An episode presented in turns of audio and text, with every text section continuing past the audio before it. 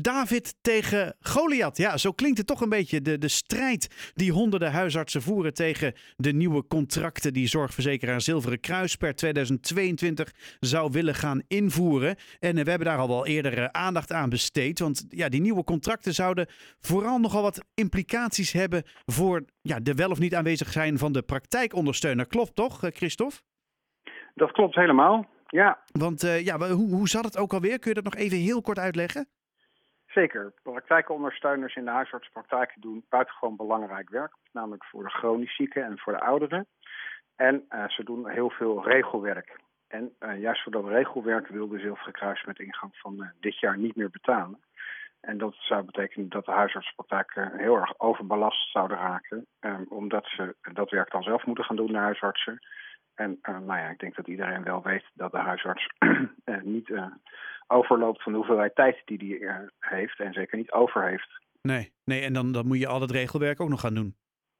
En dan zou je dus naast je ja. gewone praktijkvoering ook nog al dat regelwerk moeten doen. En dat kan niet. En dat zou heel erg ten koste gaan van de zorg van de, voor de patiënten en dus voor de, voor de kwaliteit van de zorg met name.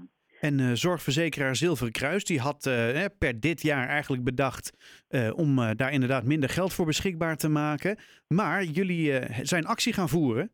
Jullie hebben je hard gemaakt voor, uh, ja, voor deze kwestie.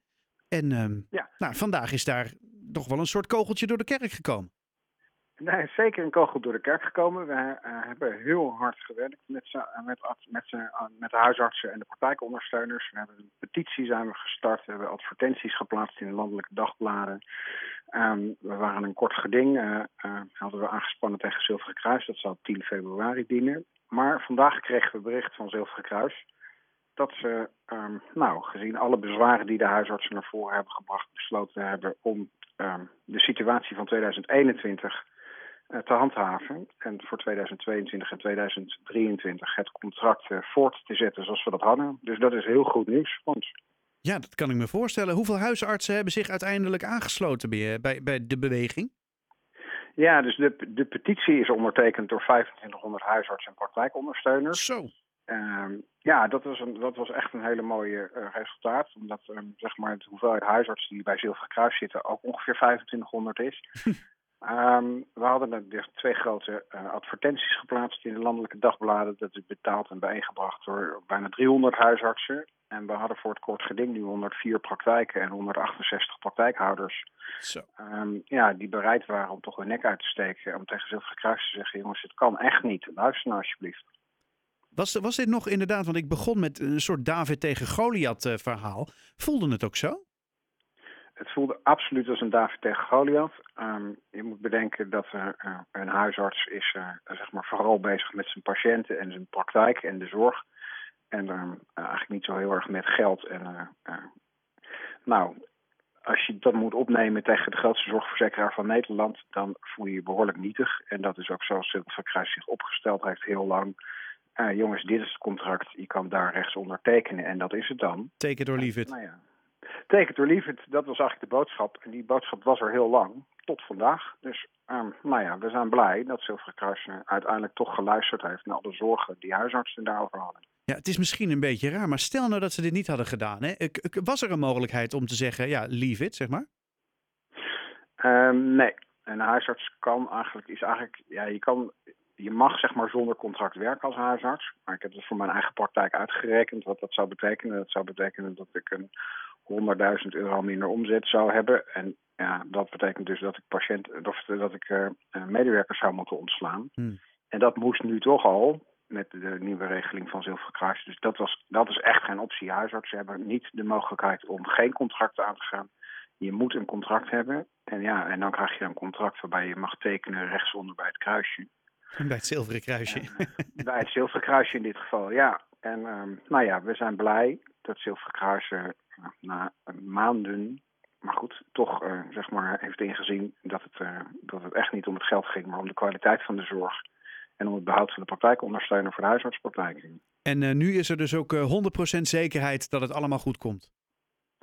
Er is nog geen 100% zekerheid. Dat betekent dat het kort geding, wat gepland staat voor 10 februari, voorlopig ook nog eventjes blijft staan. Okay. Uh, totdat we van Zilverkruis echt ook uh, niet alleen een persbericht hebben, maar ook echt harde toezeggingen. ehm, dat, het, nou ja, dat ze op een schreden terugkeren. Maar we hebben een hele goede hoop dat dat gaat lukken.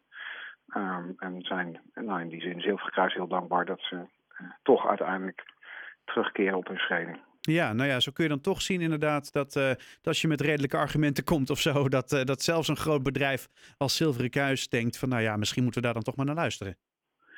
Uh, ja, nou, ik hoop dat het zo gewerkt heeft en dat het in de toekomst niet nodig is. En dan gewoon samen om de tafel kunnen zitten om tot goede contracten te komen waar beide partijen iets over te zeggen hebben en waarin in alle redelijkheid samen besloten kan worden dat, dat goede zorg oplevert op de juiste plek en dan uh, denk ik, uh, zijn we daar met z'n allen als maatschappij, patiënten, huisartsen, Zilveren Kruis best meegebaat. En nu is dit natuurlijk een, een, een, een, nou ja, een geschil tussen hè, één zorgverzekeraar en, en de huisartsen. Is het niet veel logischer op het moment dat je gewoon de keuze kunt hebben tussen zorgverzekeraars of weet ik veel wat? Zeg maar, moet het systeem eigenlijk niet op de schop? Het systeem moet zeker op de schop. Dat heeft niet alleen maar te maken met het feit dat je uh, dan maar met één zorgverzekeraar kan overleggen. Um, ik denk dat het systeem inmiddels zo ingewikkeld en uh, uitgebreid geworden is dat niemand meer precies weet hoe het eigenlijk in elkaar zit. Hmm. En dat we heel snel toe moeten naar een systeem waarin het heel helder is wat de huisarts doet uh, en wat dat kost. En uh, dat zorgverzekeraars zorgen dat dat mogelijk gemaakt wordt. En natuurlijk moeten ze daarbij op de centen letten. Dat doen huisartsen ook echt. Um, en dan denk ik dat ze in gezamenlijkheid echt goede eerste lijn zorg neer kunnen zetten. Ja.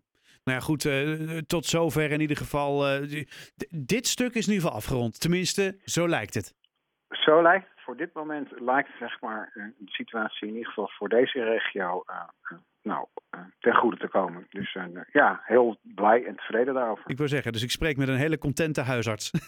Je spreekt op dit moment met een hele contente huisarts, zeker. Nou, dat is goed om te horen. Christophe Zwart, huisarts, die, nou, die het opnam, zal ik maar even zeggen, tegen de contracten van het Zilveren Kruis. Dankjewel voor je toelichting en nou, ik hoop ook inderdaad dat de actie succesvol blijkt. Hartstikke goed, dankjewel. Hele fijne avond. Oké.